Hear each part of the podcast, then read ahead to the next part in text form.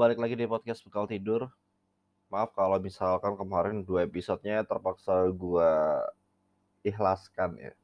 Yang satunya masih bisa tayang di Spotify, cuman yang satunya cukup tidak kondusif jika harus dirilis.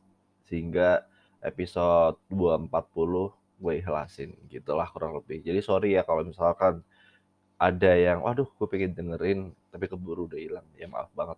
Emang emang gue delete episode yang 240. Oke, uh, sekarang gua akan bahas mainan-mainan alay anak zaman sekarang yang dari tahun kemarin cukup meresahkan sampai 2023. Iya, padahal 2023 baru dua hari. Tidak perlu harusnya bilang oh, kita udah setahun nih tahu lato-lato nih. Iya. Enggak sih, baru baru baru baru. Cuman gengges ya. Lu setuju gak sih kalau mainan ini tuh ganggu? Dan pengen gua gampar-gamparin ini anak SD yang main lato-lato yang tidak tahu tempat di mana pun dia berada. Dan gue kayak bego belajar sono pengen gue gituin. Kacau. Oke sedikit mengulik ya. Waduh. Sejarah dari mainan alay yang dinamakan lato-lato sebenarnya ini agak nggak penting gue bahas tapi ya udahlah ya jadi sejarah lato-lato itu adalah permainan yang awalnya berasal dari Amerika Serikat dan biasanya disebut dengan clackers atau click-clacks atau knockers atau curve bangers atau clankers. Jadi uh, sebenarnya bukan mainan yang baru, tapi ini adalah mainan lama. Kenapa kok ada yang namain dengan clackers? Karena memang bunyinya kan klak klak klak klak gitu.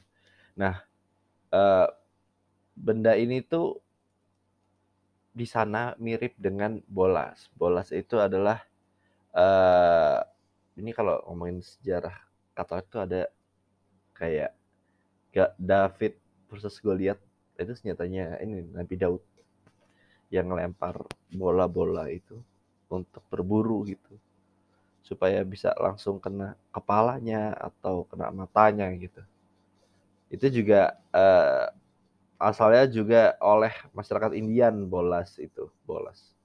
So uh, kalau dari New York Times menerbitkan catatan pada Agustus 1971 menunjukkan adanya kejuaraan dunia clackers. Oke. Okay. Ada kejuaraan dunia clackers atau lato-lato. Peristiwa bersejarah dari mainan ini berlangsung di Italia tepatnya di desa Calcinatello dekat Brescia. Tapi kejuaraan dunia diselenggarakannya di desa. Gimana ini logikanya? Dimainkan sebagai kompetisi dunia, perlombaan ini pun diikuti oleh banyak peserta dari berbagai negara sebut saja Belanda, Belgia, Swiss, Inggris, hingga Kanada yang datang untuk membuktikan kemampuan mereka bermain clackers di mata dunia. Dan beberapa orang menganggap juga mainan ini adalah sebuah mainan yang berbahaya. Di sekitar tahun 60 dan 70 karena suaranya itu kan ya kita tahu lah seganggu apa. Dan menimbulkan kekhawatiran karena waktu itu menimbulkan luka ketika dimainkan oleh anak-anak ini. Lukanya seperti apa? Jadi lukanya itu ketika uh, bisa bikin kejedot alias kebentur dan uh, bolanya itu juga pecah gitu.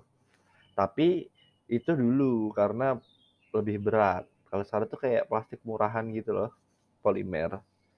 Nah, uh, bahannya itu terbuat dari kaca temper sehingga bisa uh, memungkinkan sekali untuk pecah. Terus di 1966, Food and Drug Administration mengeluarkan peringatan bahaya terkait Packers.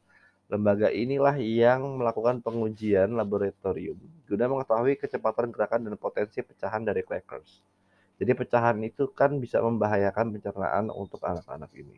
Hasilnya permainan ini pun dilarang dan dianggap mengandung bahan kimia maupun radioaktif serta mudah terbakar. Keputusan pelarangan yang diikuti penarikan produk dari pasaran ini didukung oleh banyak lembaga termasuk Society for the Prevention of Blindness alias komunitas anti buta gitu kali ya bahasa Indonesia. Oh. Nah, kenapa kok akhirnya lato-lato itu bisa datang ke Indonesia? So, di tahun 90 itu mulai dimainin anak-anak di Indonesia. Ini beritanya 90 ah, main lato-lato itu kapan? Gue tidak pernah merasa main ini tuh di 90-an. Bahan ini dianggap lebih aman. Meski demikian, permainan ini tetap beresiko pecah, tetapi dengan resiko partikel pecahan yang tidak membentuk proyektil kaca. Hmm, ya, setuju. Kini clackers di Indonesia lebih populer dengan sebutan lato-lato. Nama tersebut berasal dari bahasa Bugis, berubah dari kato-kato di Makassar. Sementara beberapa daerah disebutnya dulu itu tek-tek. Hmm. Oke, tidak menemukan faedah tetap ya sebuah mainan yang di mata gua tidak ada gunanya. Cuman yang gua sesalkan ya, kemarin itu ada momen ketika Pak Jokowi sedang berkunjung kalau nggak salah di Jawa Barat, ada Ridwan Kamil soalnya. Terus Pak Jokowi itu ngelihat ada anak main lato-lato terus dia ikut mainin dan dibantu sama Pak Ridwan Kamil. Gue langsung berkembang gitu pemikirannya Loh, Pak Jokowi tuh mainannya juga nggak kayak happy gitu, ini mainan apa sih sebenarnya? Kayak sampah banget, mungkin gua nggak tahu juga apa yang dipikirin Pak Jokowi. Dan ya ya kali gitu Pak Jokowi gak ada angin gak ada hujan ngendorse lato-lato. Pak Jokowi juga tahu itu lato-lato juga eh, sedang digandrungi banyak sekali orang. Dia di depan kamera banyak sekali juga, itu pasti ada pesannya, nggak mungkin nggak. Karena apa gitu? Yang harus membuat seorang presiden memainkan sebuah permainan remeh-temeh. Yang secara perekonomian ya tidak terlalu berimpact karena kita tahu sendiri beliau presiden kita ini kan sangat apa-apa peduli sekali dengan perekonomian negara ya. Dan lato-lato ini menurut gue apa gitu perekonomian yang bisa dikatrol oleh lato-lato menurut gue nggak ada. Dan memang ada yang cuan sehari sampai kurang lebih setengah juta gitu ya. Dan kenapa gitu? Orang-orang segitu gandrungnya main ini. Gue bahkan tidak sempat melihat di tempat mana pun, di momentum apa pun, tiba-tiba langsung semuanya rata main lato-lato semua. Dan ini kan kayak menyedihkan ketika apalagi ada orang-orang tua yang merasa setuju anaknya main lato-lato. Misalkan alasannya begini, uh, itu bisa menjauhkan anak dari gadget. Gue nggak ngerti, lato-lato tuh bisa membantu otot apa sih? Olahraga apa gitu doang itu? Menurut gua, lato-lato sama coli, enakan coli, sama aja loh gerakannya itu gitu-gitu doang. Coba coba coba ya, yang cowok nih ya. Coba lu coba pura-pura kayak air drumming tapi ini lato-lato, air lato-latoing. Lu pura-pura main lato-lato tapi nggak ada lato-latonya, gerakannya coba lu hayati, terus lu bandingkan dengan gerakan lu coli. Sama atau enggak? Menurut gua mending coli daripada main lato-lato.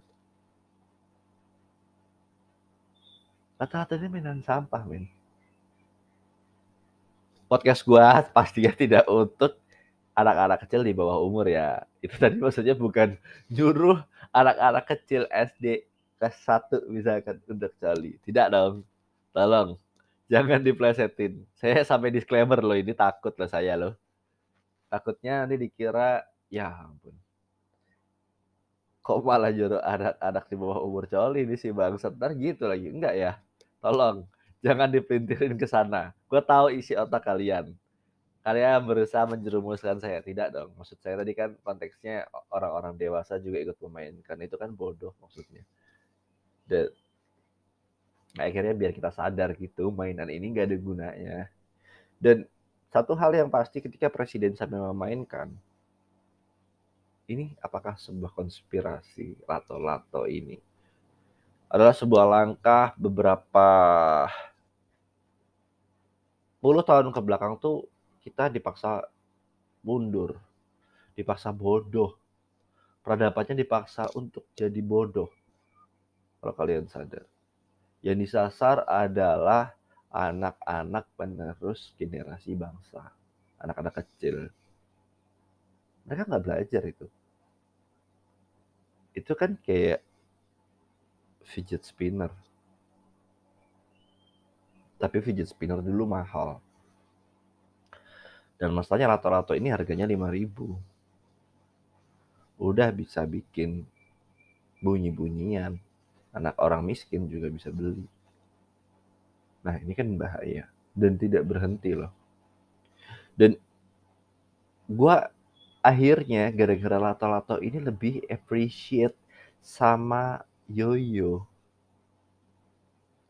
Dulu kan gue tuh orang yang hidup dengan permainan namanya Beyblade, Tamiya, Crush Gear, Bidaman, terus apalagi Bomberman, terus Bakugan. Ketika ada anime yang menayangkan olahraga yoyo, ya drop lah di mata gua. Beyblade aja sebenarnya basically gasing kan. Nah ini yoyo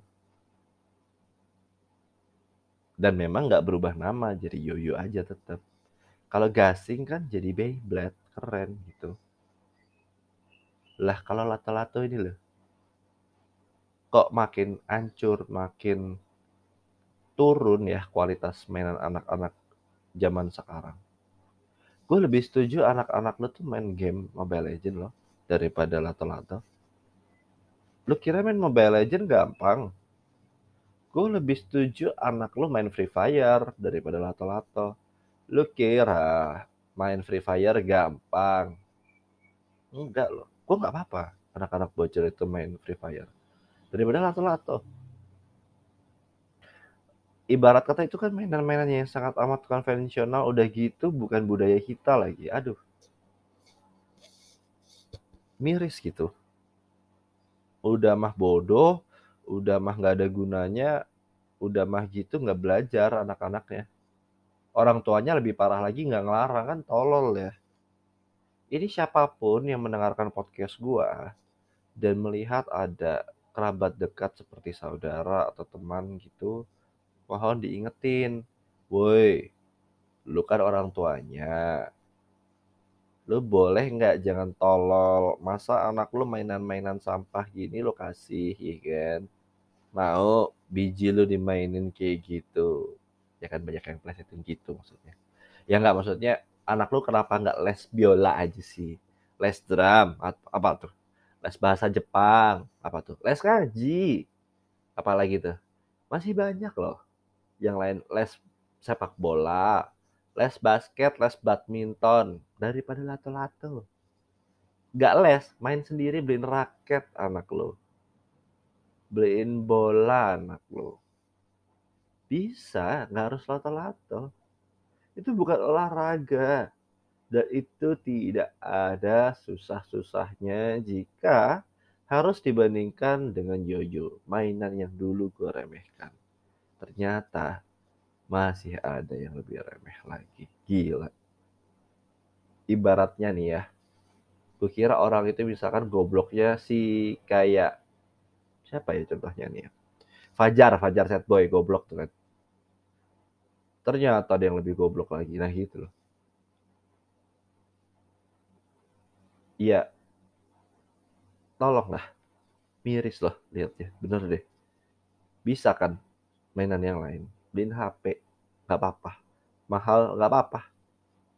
Kalau nggak nggak harus dibeliin. Pinjemin aja. Biar bisa dibatasin jamnya daripada mainan gituan buang aja udah tolong ya bapak-bapak, ibu-ibu semuanya. Terima kasih udah dengerin podcast gua. Jangan lupa dengerin yang lain. Dadah.